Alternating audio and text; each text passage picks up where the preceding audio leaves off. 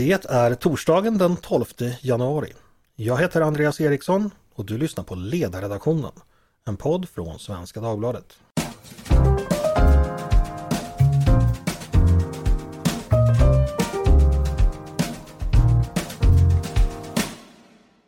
Varmt välkomna allihopa! Kul att ha er med oss igen. Igår kom regeringen med ett nytt besked i energifrågan. Man föreslår en ändrad lagstiftning om kärnkraften så att det ska kunna byggas kärnkraftreaktorer på andra platser än där det redan finns kärnkraft idag. Dessutom föreslår regeringen att bestämmelsen som begränsar antalet reaktorer i drift till 10 stycken tas bort.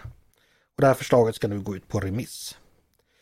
Bakgrunden är förstås att regeringen eh, har bestämt sig för att göra en förnyad satsning på kärnkraft och att framtidens kärnkraft kommer se lite annorlunda ut än den som finns idag. Bland annat talas det om fler och mindre reaktorer.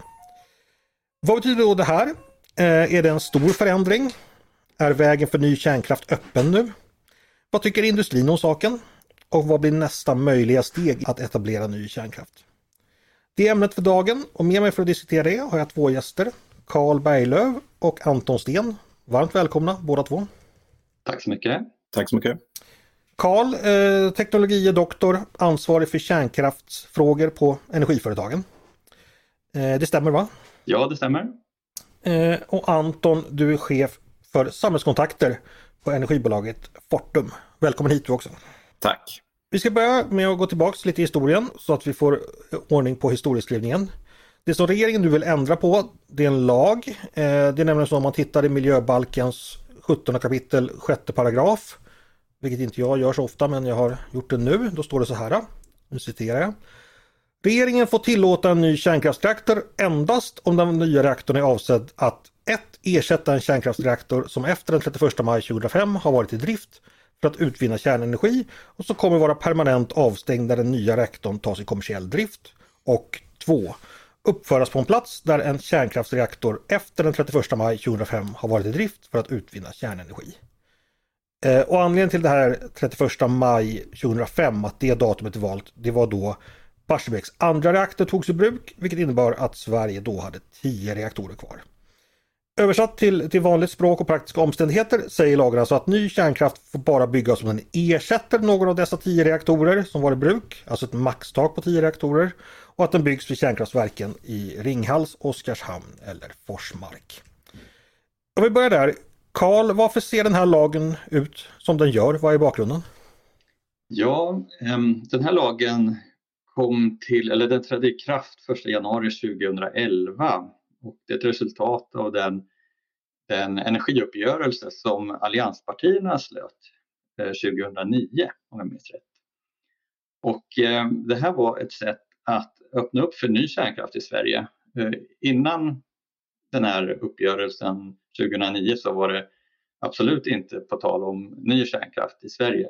Eh, det, det var ju, hade man bestämt eh, egentligen i redan 1980 eller efter folkomröstningen 1980 att man skulle inte ha ny kärnkraft i Sverige. Men i och med Alliansens uppgörelse 2009 så kom man överens om att, vi, att man ändå skulle tillåta en kontrollerad eller ett kontrollerat generationsskifte för den svenska kärnkraften. Så att om en kärnkraft behöver stängas, ja då ska man kunna få ersätta den med en ny. Då. Ja, och då bildades den här lagen helt enkelt. Mm, just det.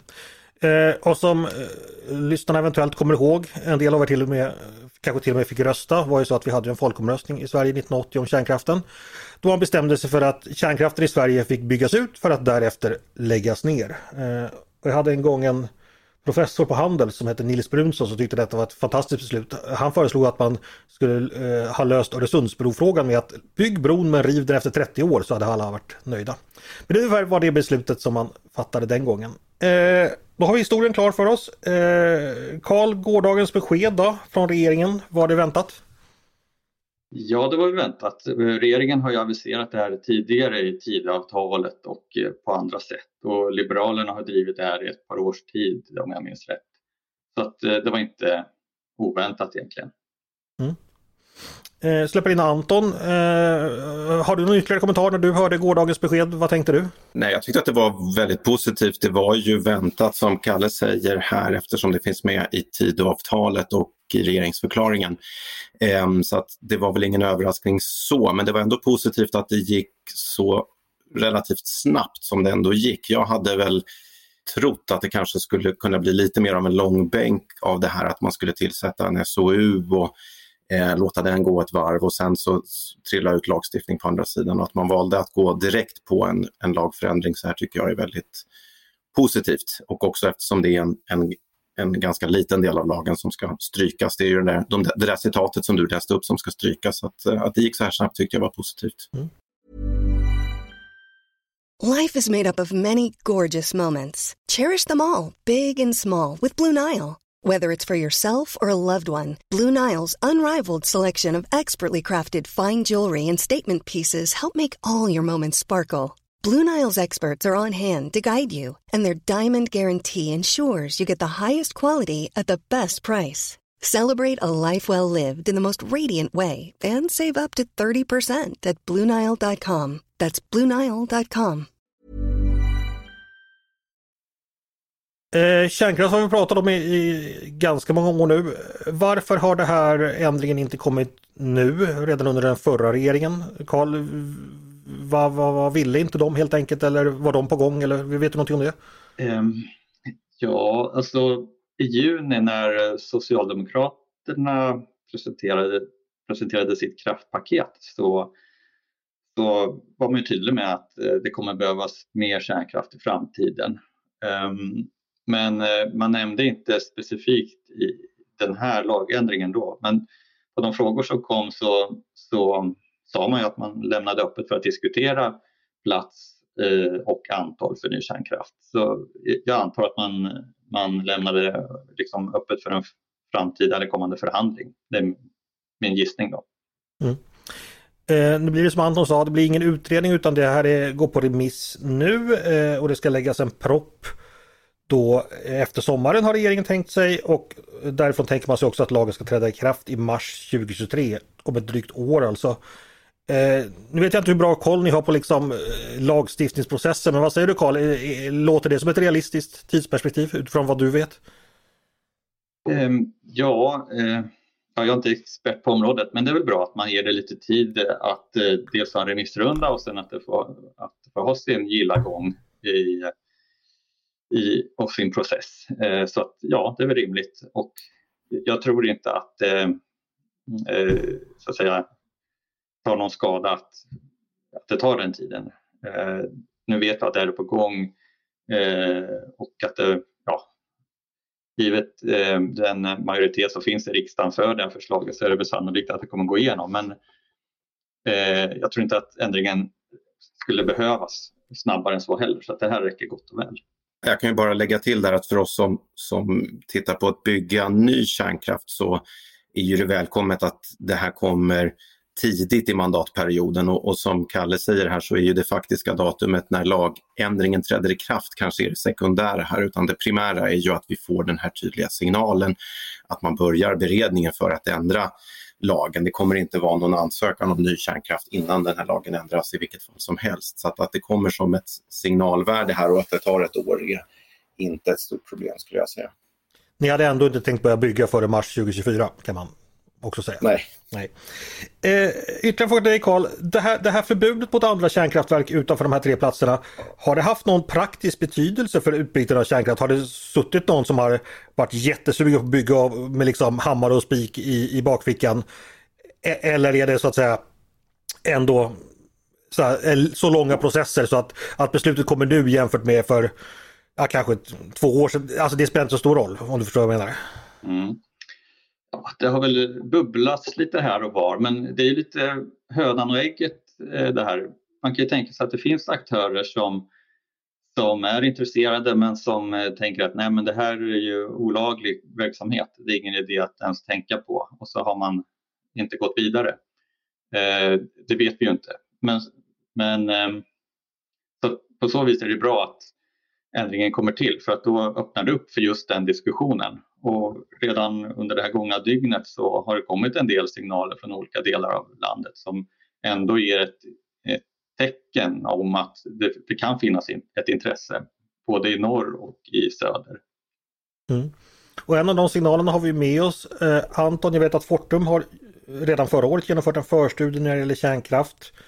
Eh, vad kom ni fram till då? Ja, den pågår i allra högsta grad fortfarande. Vi lanserade den i eh, oktober eh, förra året publikt eh, och vi sa då att den kommer att pågå i max två år.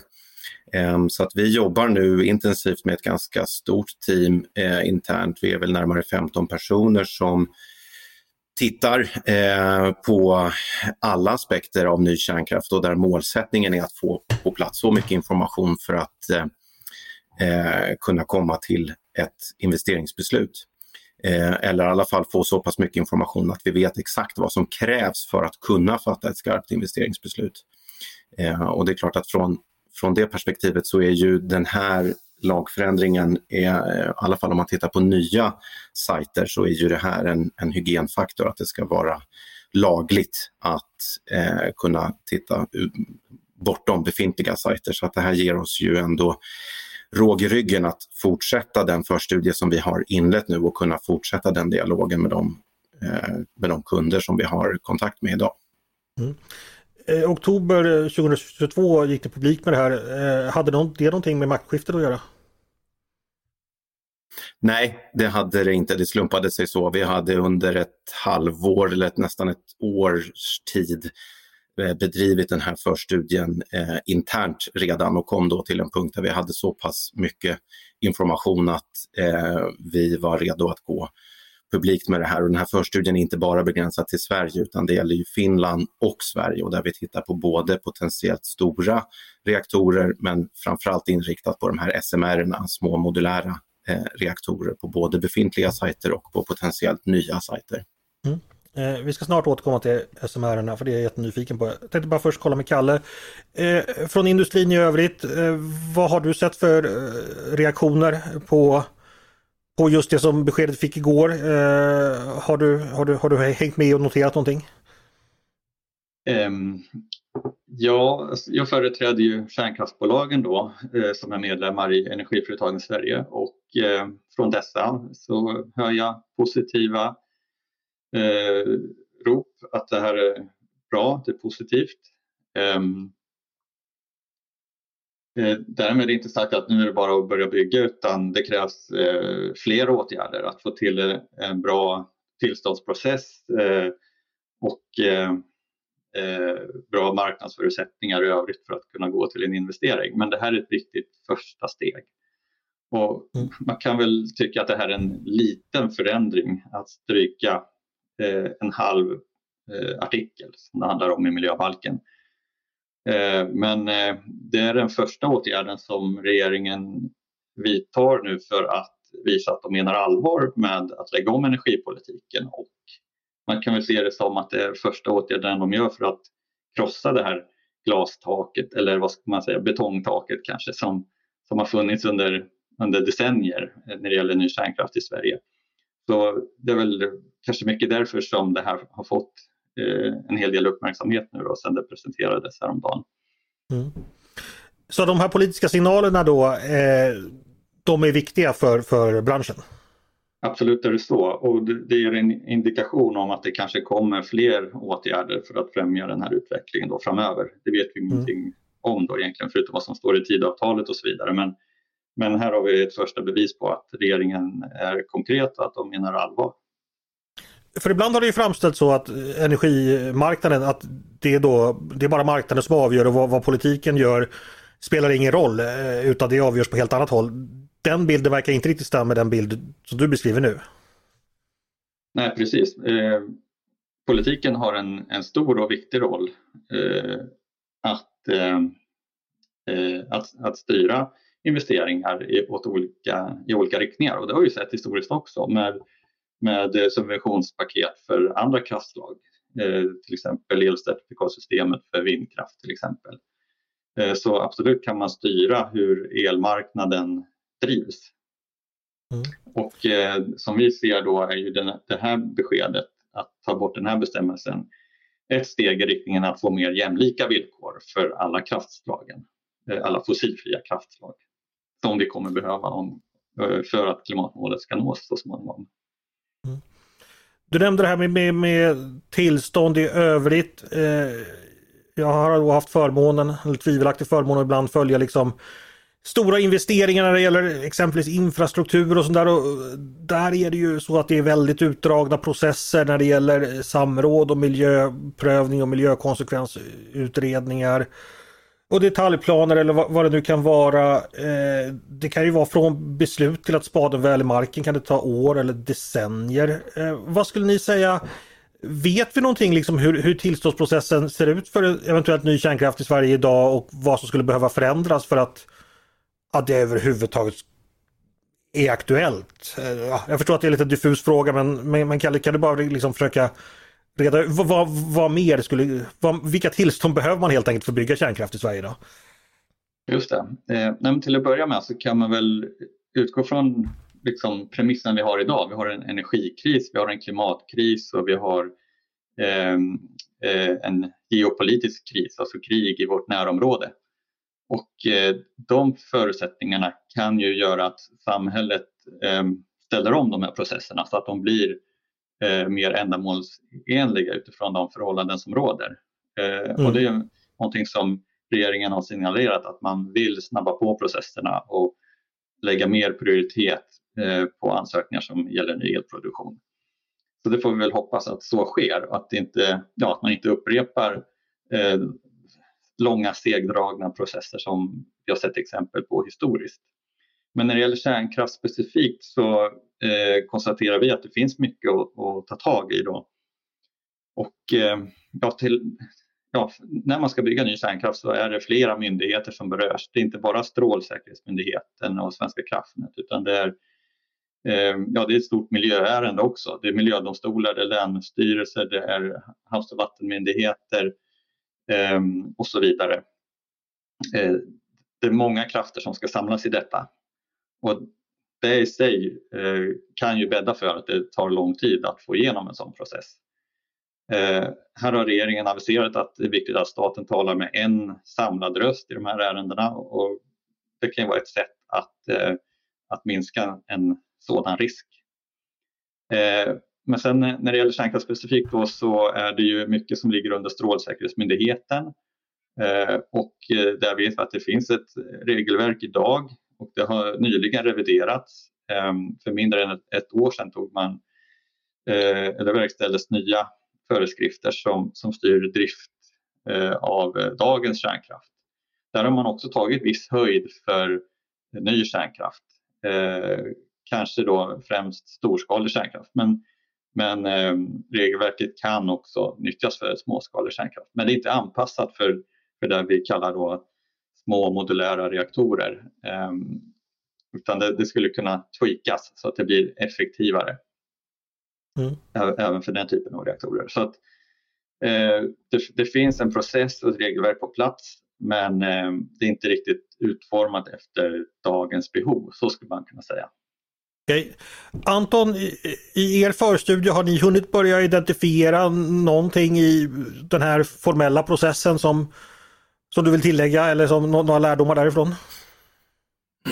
Ja, eh, om man tittar på det som regeringen presenterade igår, alltså att kunna bygga kärnkraft på nya platser, så finns det ju fortfarande väldigt mycket frågetecken eh, utöver den här begränsningen i miljöbalken som vi pratar om här. Alltså Sverige är ju internationellt sett ett avvecklingsland gällande kärnkraft och för att kunna bygga ny kärnkraft så är det en ganska lång resa med att utveckla eh, inte bara regelverken men, men liksom hela myndighetsfloran och den industriella, de in, in, industriella ekosystemen eh, som krävs. Så vi har ju inte, alltså att kunna bygga ny kärnkraft på, på befintlig sajt, någon av de tre sajterna där det finns kärnkraft idag är, är en stor utmaning men att kunna göra då på en helt ny sajt är, ett, ett ännu större frågetecken och där vi, vi har inte provat ny kärnkraft med, med dagens miljöbalk eller dagens kärntekniklagstiftning och länsstyrelserna som Kalle var inne på har ingen erfarenhet av det här. eh, om, om det är nya, nya platser vi pratar om. Så att det krävs ju här också att regeringen fortsätter den här reforma, eh, eh reformagendan eh, och, och, håller trycket uppe här och framförallt fortsätter att driva på Strålsäkerhetsmyndigheten och, och, och eh, ge dem tillskott eh, för att kunna ny, nyanställa. Det är ganska eh, många människor de måste anställa för att kunna då driva en möjliggörande utvecklingsagenda för kärnkraften, eh, vilket är det som krävs om vi ska kunna eh, bygga nytt. Så att man är helt inne på rätt spår här men det, det gäller att man eh, håller i det här så att det också får praktisk betydelse när man ska gå in med en ansökan så att det inte blir som några av de här skräckexemplen vi eh, vi har de senaste åren här med miljöbalksprövningar som, som, eh, som tar oerhört lång tid och som kan falla i ett, i ett sent skede. Mm. Eh, mer muskler hos Strålskyddsmyndigheten, alltså, har du något annat om vi ska bli väldigt konkreta, något annat exempel på där du, man redan nu kan se att här behöver ett regelverk ändras eller ja, någonting annat förändras? Så det är väl ett pussel som ska läggas. Nu är vi inne på lagstiftningsbiten här som vi pratar om och det är en viktig del. En annan viktig del som måste finnas vad, vad gäller ny kärnkraft är ju hela det här ekosystemet som vi hade en gång i tiden när vi byggde kärnkraften på 70 och 80-talet. Och jag tror att den här eh, bilden som du berörde lite tidigare här med att man bara lämnar det till marknaden att bygga. Jag tror att vi behöver revidera den och, och inse att ska vi kunna få ny kärnkraft på plats, vilket jag är i alla fall övertygad om att vi, eh, att vi kommer att behöva, så kommer det behöva vara en ganska nära samverkan mellan politik, industri, eh, kärnkraftsbranschen och, och, och den breda allmänheten för att få det här att hända. Det här är ingenting man kan bara röja undan några lagstiftningshinder och sen så vänta på att det här ska marknaden ta hand om, om själv, utan det kommer att krävas att att regeringen verkligen vågar. Man kanske inte ska sträcka sig så långt som att säga att ett nytt statligt kärnkraftsprogram, men, men en, en nära samverkan eh, kommer att behövas. Eh, så som till exempel vindkraftsbranschen har haft när de byggdes upp också historiskt när man hade vindkraftssamordnare som hade som uppgift att vara just ett smörjmedel mellan politiken och, och branschen för att främja en utveckling. Jag skulle gärna se att man eh, gjorde något liknande på på kärnkraftsområdet. Mm. Och den sista biten vi kanske kan komma in på ytterligare om det finns tid, det är ju hela marknadsbiten, hur elmarknaden behöver utvecklas framöver. Och där finns det en, en rad reformer som vi skulle önska se som styr bort ifrån den, den väldigt kortsiktiga elmarknad vi har idag till att bli mer långsiktig och, och ta ett lite mer system vänligt perspektiv så att vi får in de förmågor som vi ser att elsystemet behöver långsiktigt och får marknadssignaler också för de eh, förmågorna. Mm. Att de ska betalas, betala för sig helt enkelt? Eller att det ska betalas för Ja, idag, idag säljer man ju elen 24 timmar i taget kan man säga i, i huvudsak i alla fall. Och det, det är en, eh, det, leder till en väldig volatilitet och en väldig kortsiktighet och som gör att eh, det som investerarna vågar investera i är det som, som har kortast återbetalningstider och lägst kilowattimskostnader medan medan samhället i stort skulle gynnas också av en lite mer hälsosam mix med, med också lite mer långsiktiga investeringar i, i planerbar och flexibel elproduktion som kanske har längre avskrivningstider, eh, avskrivningstider men som, som vi vet bidrar till en lägre systemkostnad. Men, men där finns det stora eh, osäkerheter idag som vi behöver adressera. Mm. When you're ready to pop the question, the last thing you want to do is second guess the ring. At BlueNile.com you can design a one-of-a-kind ring with the ease and convenience of shopping online. Choose your diamond and setting. When you find the one, you'll get it delivered right to your door. Go to Bluenile.com and use promo code LISTEN to get $50 off your purchase of $500 or more. That's code LISTEN at Bluenile.com for $50 off your purchase. Bluenile.com code LISTEN. Eh, hoppar över till dig Kalle. Eh, det här som Anton eh, nämnde som punkt två, att det här kommer krävas ett gemensamt åtagande från stat och, och industri och andra aktörer. Delar du den bedömningen? Jo, precis. Eh, absolut. Ny kärnkraft kommer inte uppstå ur ett vakuum så utan eh, det är ett, eh, ett samhällsåtagande så kan man säga. Annars kommer det inte hända. Jag delar helt den bilden. Eh, Och sen är det ju såklart viktigt det här som Anton är inne på med eh, lönsamheten. Det ska ju vara lönsamt att göra det här också. Eh, både för aktören och i ett samhällsperspektiv. Och här tycker jag ändå mig se en viss utveckling åt rätt håll på så vis att eh, eh, ja, under vintern här så har vi sett att Svenska kraftnät har eh, gått in och upphandlat elproduktion som, som råkar ligga på rätt ställen. Eh, så att om den elproduktionen är igång så stöttar det systemet på ett eh, bra sätt så att man kan överföra mer el genom landet. Och det här kallas för mothandel. Och vi ser att Svenska kraftnät har, eh, har börjat med det här i större omfattning eh, här nu under vintern att använda sig av den här mothandeln. Och det är ett exempel på där en elproducent kan sälja andra saker än kilowattimmar. Eh, då handlar det om att man, ja, man, man säljer systemtjänster helt enkelt. Och det skulle mm. kunna vara någonting som man utvecklar mera för vi ser att det finns eh, ytterligare behov av att stärka systemet eh, i Sverige, elsystemet. Så att ehm, eh, kombinera försäljningen av kilowattimmar med den här typen av stödtjänster, systemskyddstjänster och annat eh, som systemet behöver så, så kan man öka lönsamheten. Och när vi pratar SMR specifikt så, så eh, i flera av de här koncepten är tanken att de ska kunna leverera både el och värme. Mm. Eller bara värme för den delen också. Det finns sådana exempel också.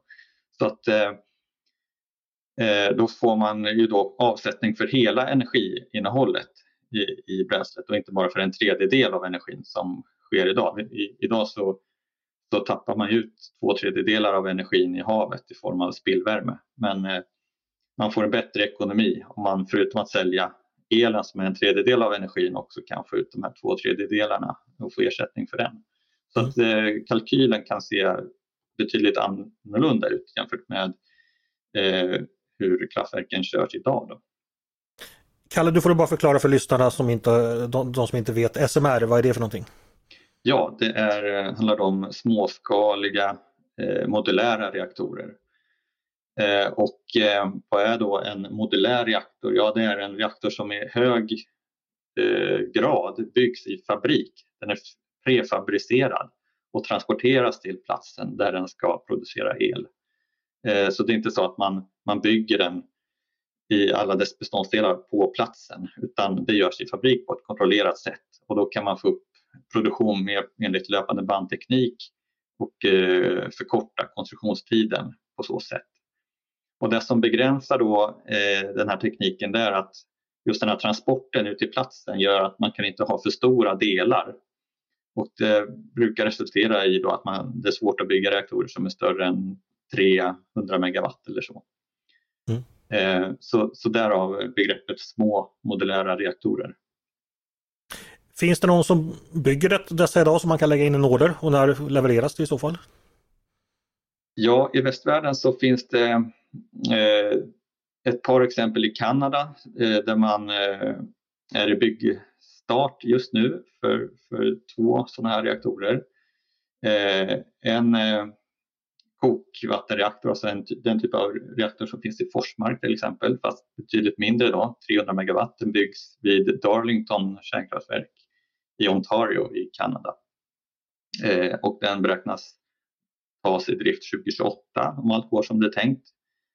En, en liknande reaktor, fast en tryckvattenreaktor liknande sådana som finns i Ringhals, eh, har beställts eh, av ett företag i Rumänien eh, som ska tas i drift 2029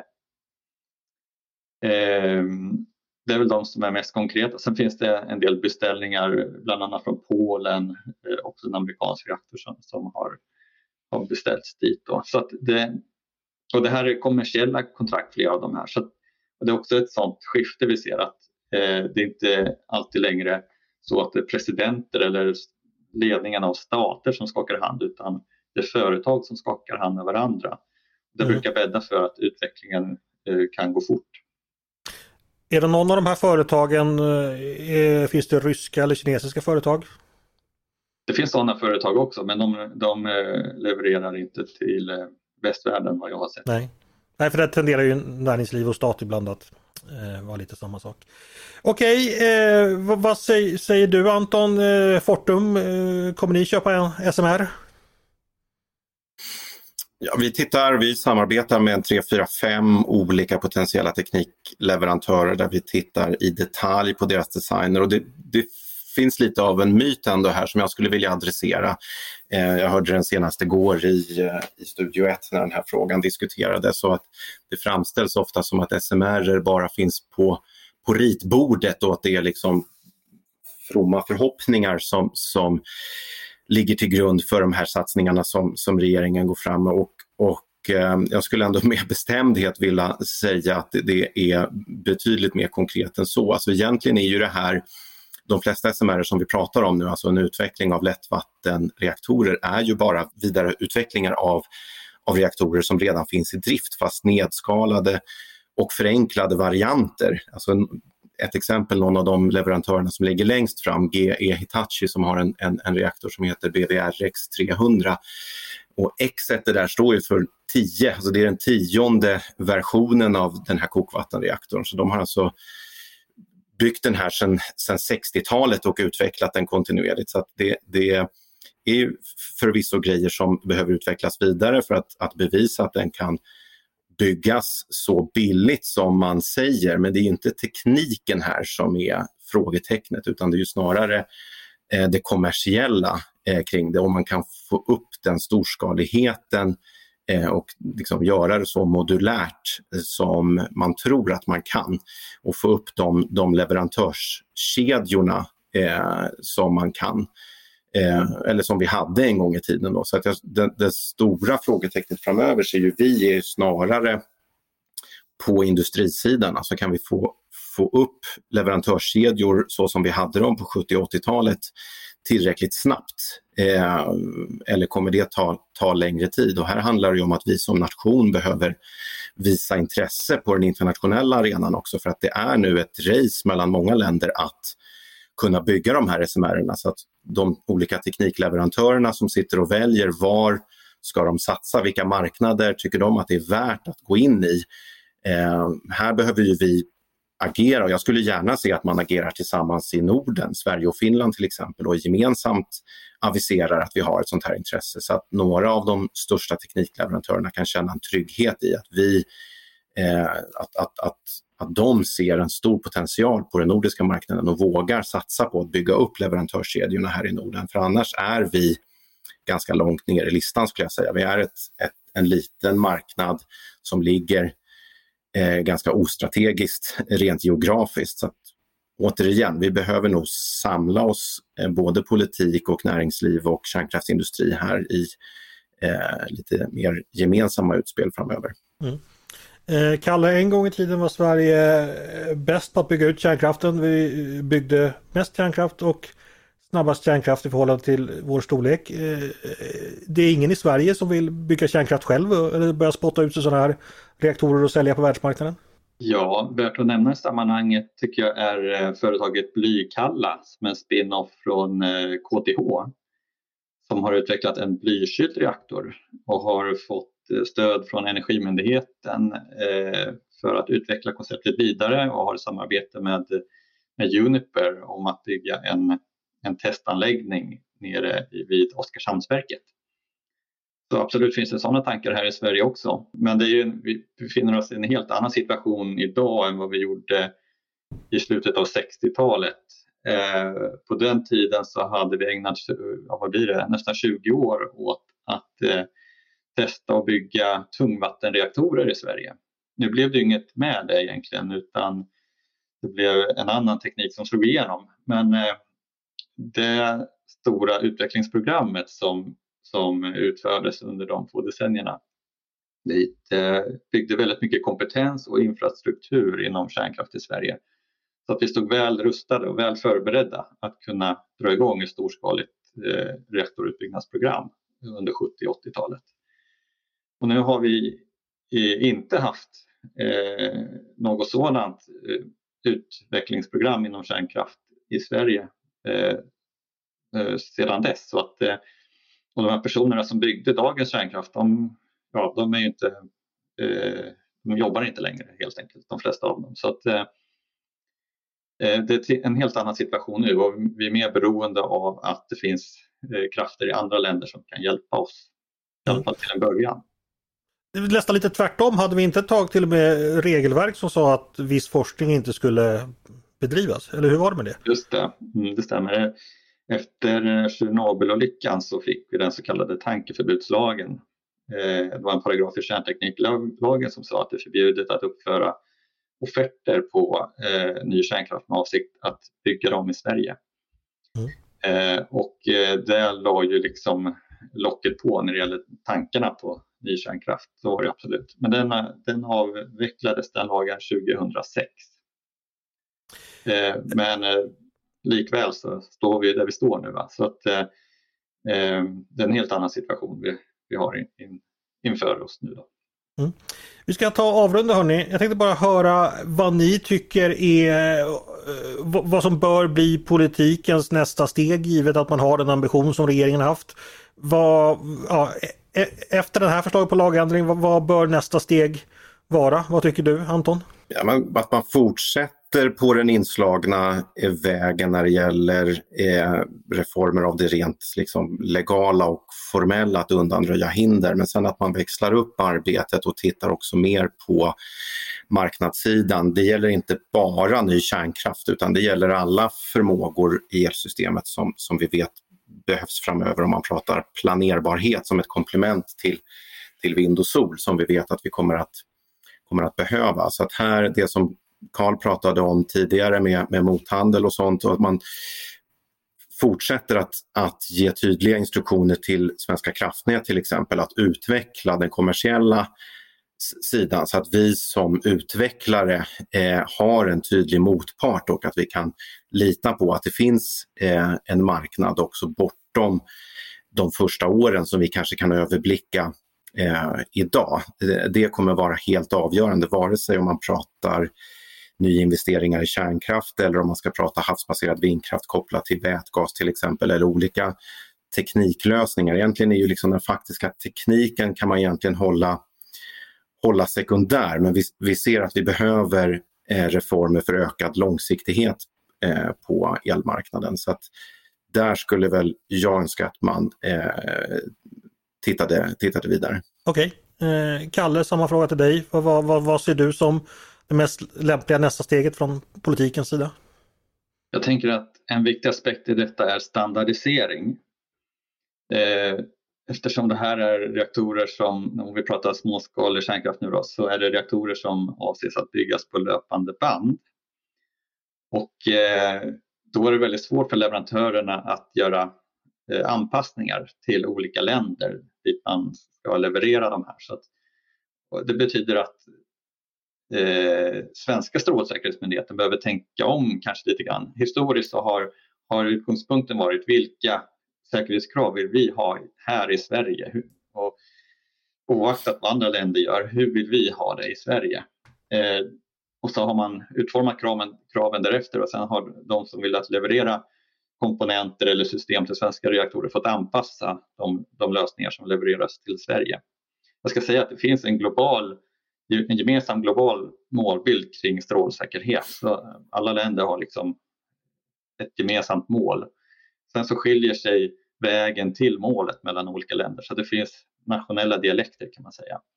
Men eh, när en leverantör, om en leverantör ska kunna leverera standardprodukter då behöver länderna komma överens om eh, vägen till målet också. Mm. Eh, och det tror jag blir eh, ett viktigt steg, hur man når den här standardiserade synen på strålsäkerhet så att man kan få ner kostnaderna, kostnaderna för småskalig kärnkraft. Eh, för får man, inte ner, får man inte ner kostnaden för SMR då, eh, då faller poängen lite grann. Då kan man lika gärna bygga storskaligt istället. Jag kan bara fylla i det Kalle säger där. Det är en väldigt viktig eh, väldigt viktig poäng och kommer vara helt avgörande för om ny kärnkraft blir så kommersiellt gångbar som vi på Fortum hoppas och tror att den kan bli. Eh, om man tittar på det finska exemplet i Olkiluoto 3 till exempel, så alltså det finns ingenting inneboende i kärnkraften som säger att det måste bli dyrt och ta lång tid, utan det som har hänt i det exemplet är ju just att det har blivit väldigt många nationella anpassningar utefter det finska regelverket.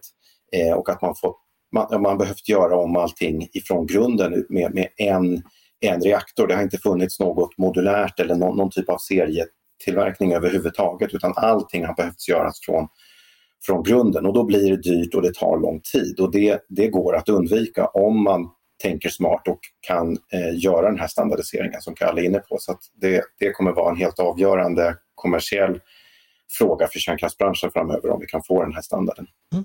Okej, eh, standardisera mera blev då slutbudskapet. Eh, därmed så säger jag stort tack till Kalle Berglöf och Anton Sten för att ni ville komma och prata med mig idag. Det var väldigt trevligt. Tack så mycket båda två. Tack så mycket. Tack så mycket. Tack till er som har lyssnat också Eh, på Ledarredaktionen, en podd från Svenska Dagbladet. Jag hoppas ni tyckte dagens diskussion var givande och intressant. Ni är varmt välkomna att höra av er till mig och till redaktionen med tankar och synpunkter på det vi precis har diskuterat. Men också om ni har idéer och förslag på ämnen vi borde ta upp i framtiden. Då är det bara att mejla till ledarsidan snabla svd.se. Dagens producent, han heter Jesper Sandström. Jag heter Andreas Eriksson och jag hoppas att vi hörs igen snart.